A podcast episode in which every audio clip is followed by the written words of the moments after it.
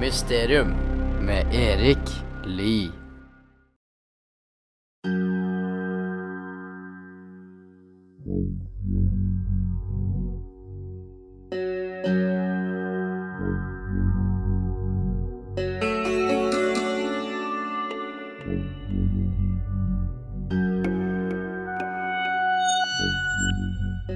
Hallo, hallo.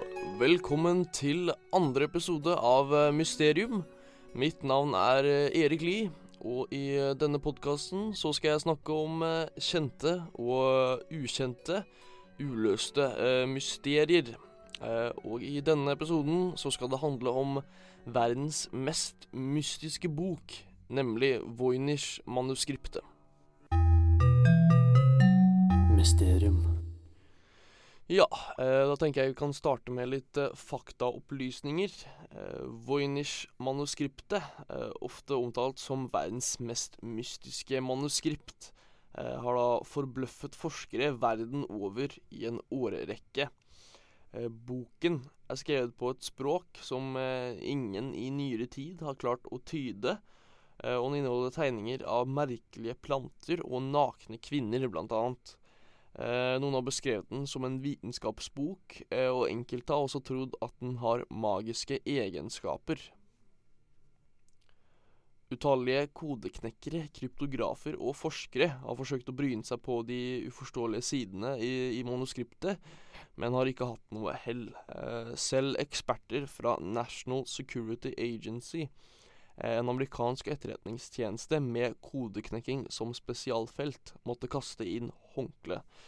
Så dette er da et uh, uleselig dokument. Um, det kjente og mystiske manuskriptet var i noen italienske munkers sitt eie da det ble kjøpt i 1912 av bokhandelen Wilfred Voyners, uh, og det er derfor det heter da Voyners-manuskriptet.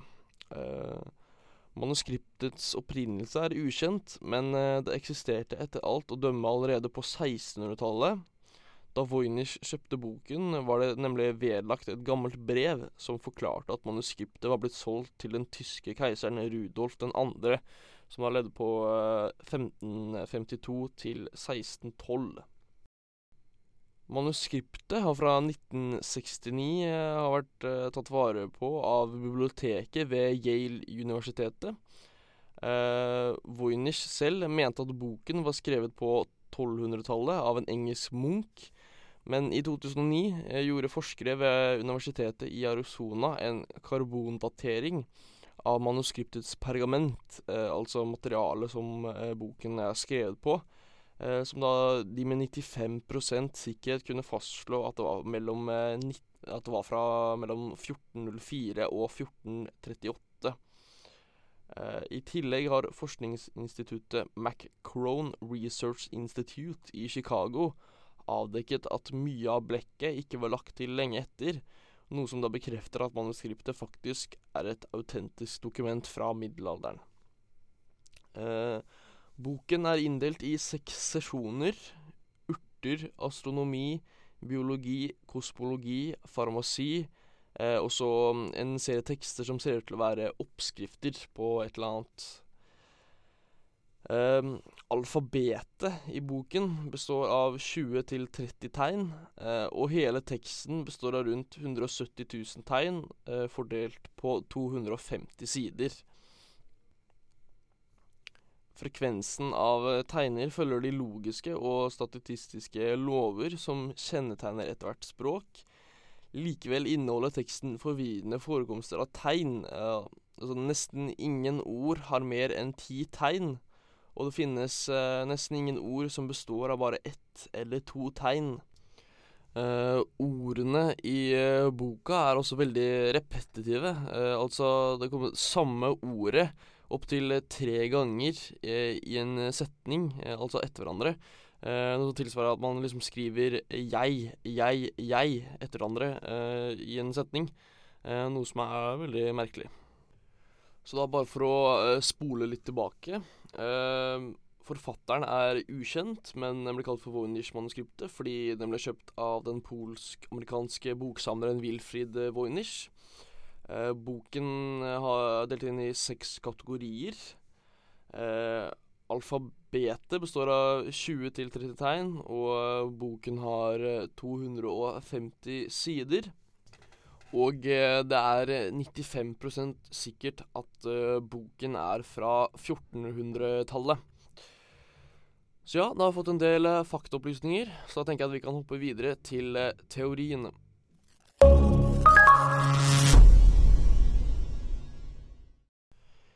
Ja, eh, som nevnt eh, før, så er det jo noen som tror at eh, boken har magiske egenskaper. det er selvfølgelig også noen som tror at aliens har skrevet den, og at den forutser hva som skjer i framtiden. men det er jo ingen beviser som støtter dette.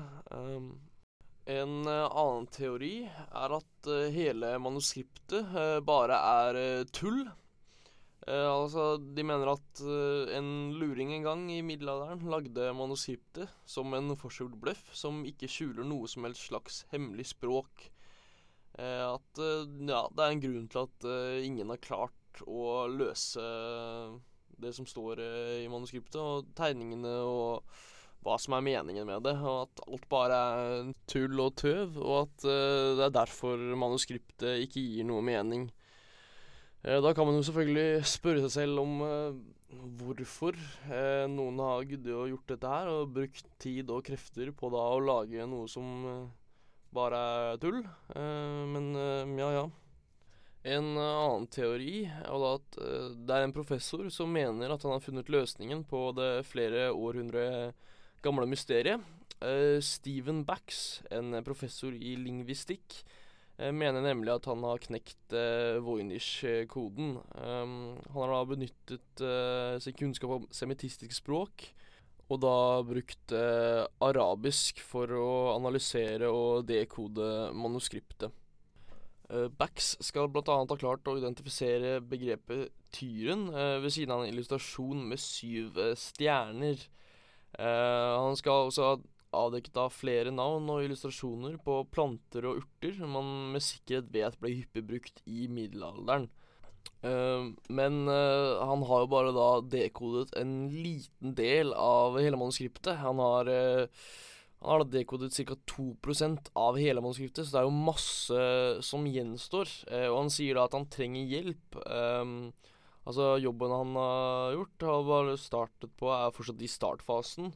Og at da han oppmuntrer andre kryptologer og eksperter da, til å hjelpe han med å dekode manuskriptet. Eh, men eh, nå i 2017 så eh, vet vi jo fortsatt ikke hvem som er forfatteren, og hvorfor noen har skrevet dette, og hva som er innholdet i boken. Eh, det vil ikke bli lett, men på denne måten vil vi kanskje endelig få vite hva de mystiske forfatterne av dette manuskriptet prøvde å fortelle oss, forklarer professoren. Uh, men uh, ja, som sagt, i 2017 så vet du jo fortsatt ikke hva Voynich-manuskriptet er. Det har jo også vært uh, mange teorier om hvem som kan ha vært forfatteren til manuskriptet, men ingen har da blitt bekreftet. vet jo fortsatt ikke hva innholdet i, i dokumentet er, men noen mener jo at uh, manuskriptet er en middelaldersk medisinbok. Så dette er jo et uh, mysterium som det er veldig mye som er uh, uløst. og da er det jo ikke så mye informasjon som er tilgjengelig. Så da tenker jeg egentlig at vi bare kan gå videre til min konklusjon. Ja, det er jo aldri lett å konkludere. den teorien som jeg ikke nødvendigvis tror mest på, men uh, som jeg håper på at er sann, uh, og som hadde vært mest fascinerende, det er jo da um, Stephen Backs sin teori om at det er et uh, hemmelig språk, men som vi bare ikke har klart å knekke ennå. Um, men da forhåpentligvis de neste årene at man klarer å dekode manuskriptet, og man skjønner hva som er meningen og formålet med boka, da. Og det hadde jo vært helt sykt om uh, vi fant et språk som bare har vært der hele tiden, men som vi ikke har vært uh, klar over. Men uh, da inntil videre så forblir verdens mest mystiske bok et mysterium.